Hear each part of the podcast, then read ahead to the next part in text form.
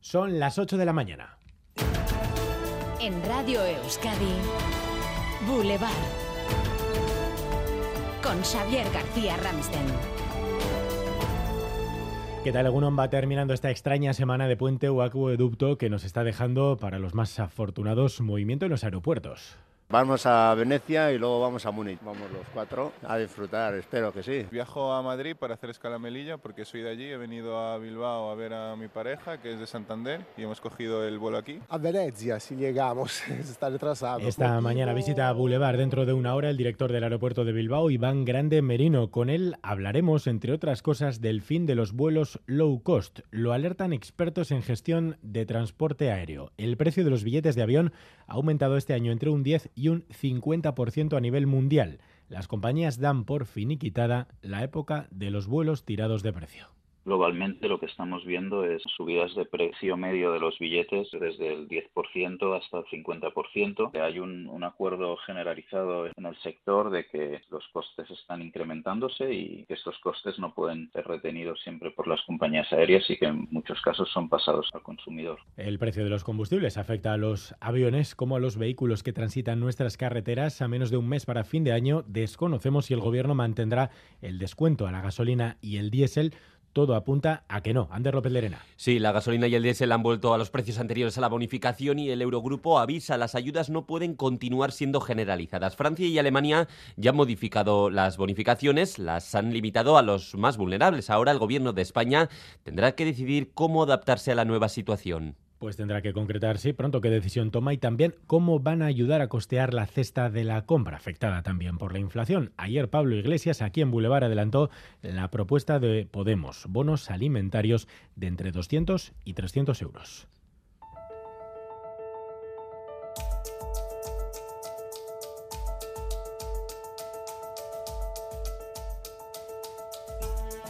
La actualidad política, por lo demás, tiene hoy dos puntos destacados. Uno es el Parlamento Vasco, donde se debaten las enmiendas a la totalidad a los presupuestos presentadas por la oposición. Leire García. Todos los grupos han presentado enmiendas a la totalidad al proyecto de cuentas públicas. La suma de los votos del Partido Nacionalista Vasco y Partido Socialista garantiza que los presupuestos saldrán adelante. La sesión comienza a las nueve y media de la mañana. Otro punto del Congreso. Hoy termina el plazo para presentar enmiendas a la reforma del delito de malversación. PSOE y Esquerra negocian al detalle para garantizar que la reforma de este delito no beneficia a condenados por corrupción pero la propuesta no acaba de gustar a algunos varones socialistas, tampoco a los socios del PSOE, a Unidas Podemos. Yolanda Díaz, Emiliano García Paje. Lo que quieren es un código penal con nombres y apellidos, que sus votos cambien el código penal que les afecta a ellos. Sí les digo con rotundidad que Unidas Podemos no está presentando enmiendas que tengan que ver con la malversación. Lo que estamos haciendo es, como hace muchos meses, trabajando por un país con más derechos estaremos en el Congreso, en el Parlamento y también estamos ya a las puertas del Hospital Donostia. En cuestión de minutos, nueva concentración contra los ceses en la OSI de Donostia Aldea. Laida Basurto, Egunon. Egunon, sí, a las ocho y cuarto volverán a concentrarse en estas escalinatas del Hospital Donostia. Ya va viniendo gente y los jefes de servicio de esta OSI han hecho un llamamiento para que médicos, enfermeras y personal de otros hospitales se concentren también desde hoy frente a sus centros. Quieren seguir sumando apoyos también con atención primaria, con la que están en conversaciones. Además, anoche medio centenar de ciudadanos se concentraron frente a estas mismas escalinatas para mostrar su apoyo a los médicos. Pues enseguida comprobamos también si hay respuesta. Así viene este viernes 9 de diciembre que nos deja más noticias.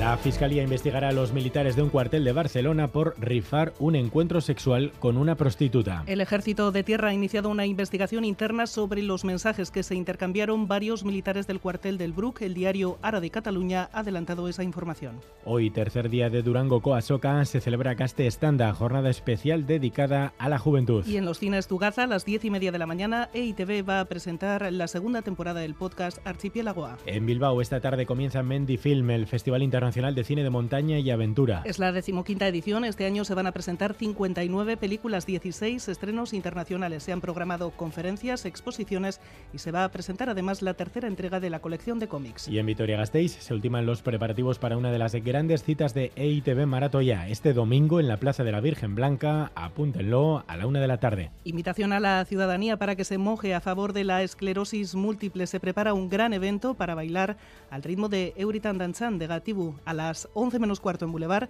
Todos los detalles con Luis Manuel Martín, responsable de promociones de ITV. En los deportes hoy comienzan los cuartos de final en el Mundial de Fútbol de Qatar. César Pérez Gazolas. Sí, este viernes conoceremos ya la identidad de los dos primeros semifinalistas a partir de las 4, Argentina, Países Bajos y para cerrar la jornada de cuartos, Croacia-Brasil.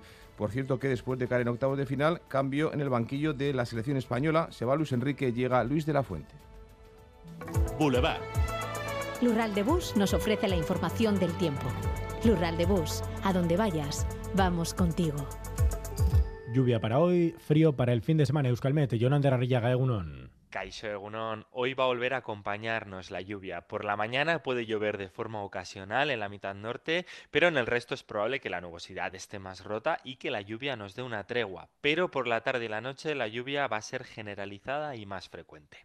El viento se va a ir fijando del norte a lo largo del día y las temperaturas no van a cambiar apenas. Las, máximas van a seguir moviéndose entre los 10 y 14 grados en general. Por tanto, hoy vamos a seguir con lluvia, pero no va a hacer demasiado frío a lo largo de esta próxima madrugada irá entrando una masa de aire más frío que hará descender las temperaturas, así como la cota de nieve hasta rondar unos 1000 metros. En cualquier caso, el fin de semana las precipitaciones van a ser escasas y débiles en general. El sábado se van a dar de madrugada y primeras horas y remitirán a lo largo de la mañana y el domingo se podrían dar algunas precipitaciones tanto en la costa como en la mitad sur, pero serían débiles en general. De todas formas, lo más destacable del fin de semana va a ser el frío. Las temperaturas no van a subir más allá de los 9-10 grados en el mejor de los casos y la sensación térmica va a ser invernal. A esta hora tenemos 12 grados en Donostia y Beasain, 11 en Bayona, 11 también en Azpeitia, 9 en Bilbao, 8 en Gasteiz, Iruña y Zuya. 10 grados y medio en Aldacao y 10 grados en Igorre.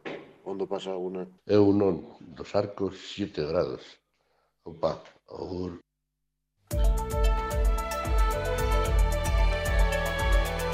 Boulevard. Tráfico. ¿Algún problema en carreteras, Leire? Sí, precaución en Bilbao, en la P8, en la salida por Zabalburo, en sentido Donostia. El Departamento de Seguridad recuerda que un vehículo accidentado ocupa el carril derecho.